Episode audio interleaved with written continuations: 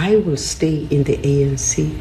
I intend to die as a member of the ANC, no matter what happens to the ANC. Those lies out there could not have come from me. And I want to say to the loyal members of the ANC continue doing the good work of making sure that we continue to improve the living conditions of our people.